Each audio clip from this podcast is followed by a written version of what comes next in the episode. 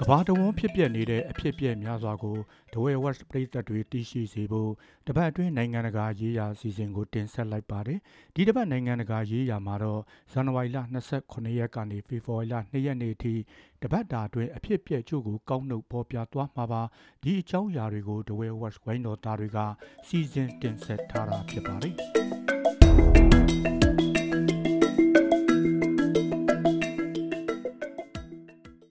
ကုလသမဂ္ဂပါလက်စတိုင်းဒုက္ခသည်ကူညီရေးဌာန UNRWA အတွက်ရန်မုံငွေကိုပြန်လည်ထည့်ဝင်ပေးကြဖို့ကုလသမဂ္ဂအထွေထွေတွင်းရေးမှုချုပ်ကဇန်နဝါရီလ28ရက်နေ့ကတောင်းဆိုလိုက်ပါတယ်။အစ္စရေးကိုတိုက်ခိုက်ခဲ့တုန်းကကုလဒုက္ခသည်ကူညီရေးဌာနကဝန်ထမ်းတွေပါဝင်ခဲ့တဲ့ဆိုတဲ့သတင်းနဲ့ပတ်သက်လို့ကုလသမဂ္ဂကစုံစမ်းစစ်ဆေးနေသေးပါ။သတင်းကြောင့်အမေရိကန်၊ဩစတြေးလျ၊ဗြိတိန်၊ကနေဒါ၊ဂျာမနီ၊အီတလီ၊ဖင်လန် နယ်သာလန်နဲ့ဆွစ်ဇာလန်နိုင်ငံတို့ကအကူအညီတွေဖြတ်တောက်ထားပါတယ်။ပါလက်စတိုင်းဒုက္ခသည်ကူညီရေးဌာနရဲ့နှစ်စဉ်ဘတ်ဂျက်ကဒေါ်လာသန်း1600လောက်ရှိပါတယ်။ဒါကြောင့်ဂါဇာကစစ်ဘေးရှောင်ဒုက္ခသည်တွေအတွေ့အကူအညီလိုအပ်နေစေဖြစ်နေလို့ထက်ဝင်ပေးဖို့တောင်းဆိုထားပါတယ်။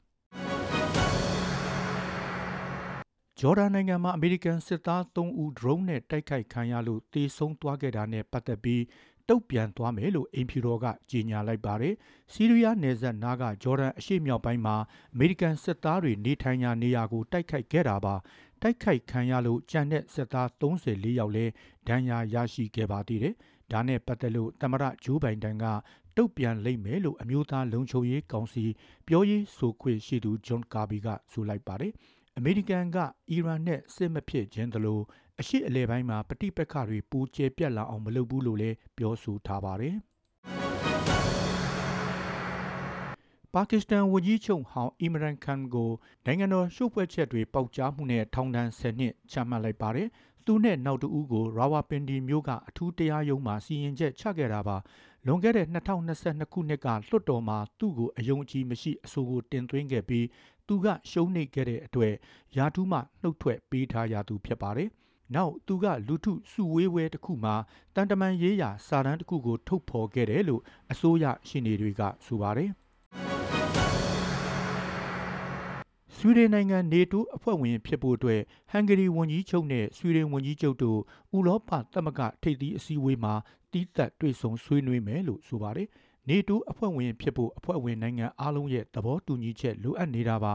ဆွီဒင်ရဲ့လျှောက်ထားချက်ကိုဟန်ဂေရီတနိုင်ငံကပဲသဘောတူညီချက်ပေးဖို့လိုအပ်နေပါတယ်။ဆွီဒင်နဲ့ဖင်လန်နိုင်ငံတို့ကနေတိုးအဖွဲ့ဝင်အဖြစ်လျှောက်ထားခဲ့ကြတဲ့ကဟန်ဂေရီအမတ်တွေကဆွီဒင်အဖွဲ့ဝင်ဖြစ်ရေးအပေါ်မဲပေးဖို့ဆိုင်းငံ့ထားခဲ့ကြတာပါ။ဟန်ဂေရီဝန်ကြီးချုပ်ဗစ်တာအော်ဘန်ကတော့ဆွီဒင်နိုင်ငံနေတိုးဝင်ရေးကိုသူထောက်ခံပါတယ်လို့ကနဦးဆိုထားပါတယ်။ပြီးခဲ့တဲ့အပတ်ကတော့ဆွီဒင်နေတိုးအဖွဲ့ဝင်ဖြစ်ဖို့ တူရကီလွှတ်တော်ကသဘောတူညီချက်ရရှိထားပြီးဖြစ်ပါတယ်။၆ပတ်ကြာအပြစ်ခတ်ရက်စဲရေးအဆိုပြုချက်တရက်ကိုလက်ခံရရှိထားတယ်လို့ဟာမတ်ခေါင်းဆောင်အစ္စမေးဟာနီယေကဇန်နဝါရီလ30ရက်နေ့မှာပြောကြားလိုက်ပါတယ်။ ဒီအပြစ်ရက်စဲရေးထဲမှာအစ္စရေးဖမ်းဆီးထားတဲ့ပါလက်စတိုင်းအကျဉ်းသားနဲ့ဟာမတ်ဖမ်းသွားတဲ့ဒဇကန်တွေလဲလှယ်ရေးအစီအစဉ်တွေလည်းပါဝင်ပါတယ်။ဒါကိုလေ့လာပြီးတဲ့နောက်ဆွေးနွေးဖို့အီဂျစ်နိုင်ငံကိုင်ရိုမြို့ကိုတွားရောက်မယ်လို့လည်းဆိုထားပါတယ်။ဦးစားပေးကတော့အမြဲအပြစ်ခတ်ရက်စဲဖို့နဲ့ဂါဇာကနေအစ္စရေးတပ်တွေရုပ်သိမ်းဖို့ဆိုပြီးပြောကြားထားပါတယ်။ ပင်လယ်နီဒေသမှာအမေရိကန်သင်္ဘောတစ်စီးကိုမစ်ဇိုင်းဒုံးတွေနဲ့ပစ်ခတ်ခဲ့တယ်လို့ယီမင်နိုင်ငံဟူသီတပုံတွေကဇန်နဝါရီလ30ရက်နေ့မှာပြောကြားလိုက်ပါတယ်။နောက်အမေရိကန်နဲ့ဗြိတိန်နိုင်ငံကသင်္ဘောတွေကိုဆက်လက်တိုက်ခိုက်သွားမယ်လို့ဆိုလိုက်တာပါတိုက်ခိုက်ခံရလို့ထိခိုက်ပျက်စီးမှုမရှိသလိုဒဏ်ရာရရှိတဲ့သူလည်းမရှိဘူးလို့အမေရိကန်စစ်တပ်ကပြောကြားထားပါတယ်။အမေရိကန်နဲ့ဗြိတိန်ကတော့ယီမင်နိုင်ငံမှာအခြေစိုက်ထားတဲ့ဟူသီတပုံတွေရဲ့မစ်ဇိုင်းတွေနဲ့စစ်ဘက်ဆိုင်ရာနေရာတွေကို ပြန်တိုက်ခိုက်နေပါတယ်။ထိုင်းနိုင်ငံမှာဘရင်ကိုဝေဖန်ရင်ရာဇဝတ်မှုအဖြစ်အရေးယူတဲ့တော်ဝင်ဥပဒေကို ပြုပြင်ပြောင်းရေးထပ်မလုပ်ဖို့ Move Forward ပါတီနဲ့ပါတီခေါင်းဆောင်ဖီတာကိုတရားရုံးကအမိန့်ချလိုက်ပါတယ်။ပါတီကိုဖျက်သိမ်းဖို့တိုက်ရိုက်အမိန့်ချတာမဟုတ်လို့နိုင်ငံရေးအကြက်တဲနဲ့ဆန္ဒပြမှုတွေဖြစ်လာနိုင်တဲ့အရေးကိုတော့ရှောင်လိုက်နိုင်တာပါ။ တော်ဝင်ဥပဒေကိုပြင်ဆင်ဖို့ကတိပြုခဲ့တာကထိုင်းနိုင်ငံရဲ့နိုင်ငံရေးစနစ်တစ်ခုလုံးကိုဖြုတ်ချဖို့ကြိုးပမ်းချက်ဖြစ်နေတယ်လို့တရားရုံးကပြောကြားခဲ့တာပါ။ပြီးခဲ့တဲ့ရွေးကောက်ပွဲမှာ Move Forward ပါတီကပြည်သူတွေကိုတော်ဝင်ဥပဒေပြင်ဆင်ပေးဖို့ကတိပေးထားပါတယ်။ Marshall ကျွန်းနိုင်ငံက Rai Namura ကျွန်းမှာဇန်နဝါရီလ29ရက်နေ့က လှိုင်းလုံးတွေရုတ်တရက်ဝင်လာလို့အမေရိကန်စစ်စခန်းကတာဝန်ထမ်းဆောင်နေသူတွေဘေးလွတ်ရာကိုပြောင်းရွှေ့ခဲ့ကြရပါတယ်။အမေရိကန်စစ်တပ်ဝင်းထဲကအဆောက်အဦတစ်ခုတည်းကိုရေတွေအရှိန်ပြင်းပြင်းနဲ့ဝင်လာခဲ့တာပါ။ဒါကြောင့်တကားတွေကျိုးပြက်ကုန်ပြီးအနီးနားကလူတွေလည်းလဲကျကုန်တာတွေ့ရပါတယ်။ရိုင်းနာမူရာမြို့ဟာဟာဝိုင်ယီကျွန်းရဲ့အနောက်တောင်ဘက်မိုင်2300ခန့်မှာရှိပါတယ်။အမေရိကန်ဘူမိဆိုင်ရာလေ့လာချက်အရပင်လယ်ရေမျက်နှာပြင်အနှိမ့်မြင့်တန်းကိုအမြဲခံရတယ်လို့သိရပါတယ်။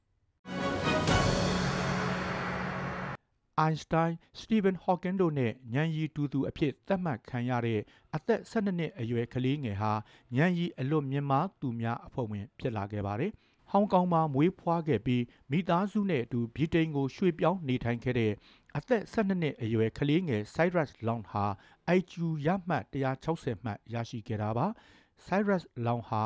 ဉာဏ်ရည်စစ်ဆေးပွဲလာချိန်မှာနာယီမေ့ကြံခဲ့လို့ ဖြေဆိုချိန်ဘယ်လောက်ကြံလဲဆိုတာမကြည့်နိုင်တာကြောင့်စိုးရိမ်ပူပန်ခဲ့ရပါသေးတယ်လို့သိရပါတယ်။ The Mensa Society လို့ခေါ်တဲ့ဉာဏ်ရည်အလွန်မြင့်မားသူများအဖွဲ့ဟာ1948ခုနှစ်မှာတည်ထောင်ခဲ့ပြီးဉာဏ်ရည်မြင့်မားသူတွေရဲ့စိတ်ကူးအိမ်မက်တွေကိုအကောင့်ထဲဖော်ပေးနိုင်အောင်ကူညီပေးဖို့ရည်ရွယ်တာဖြစ်ပါတယ်။ Paris မြို့က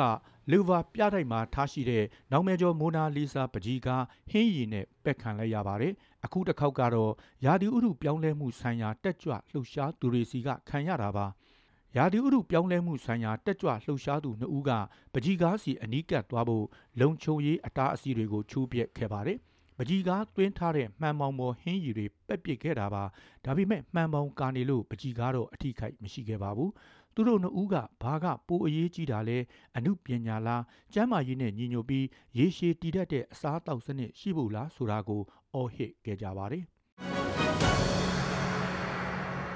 ပရိသတ်ပေါင်းတို့စေရောကိုပါကျမ်းမာချမ်းသာကြပါစေကြောင်းနဲ့ကပ်ပြီးအမျိုးမျိုးကနေအမြန်ဆုံးလွတ်မြောက်ကြပါစေကြောင်းဒဝဲဝက်ဝိုင်းတော်သားတွေကစုမုံကောင်းတောင်းအပ်ပါတယ်။နောက်ပတ်မှာလည်းနိုင်ငံတကာရေးရာအစီအစဉ်ကိုစောင့်မျှော်အားပေးကြပါဦးခင်ဗျာ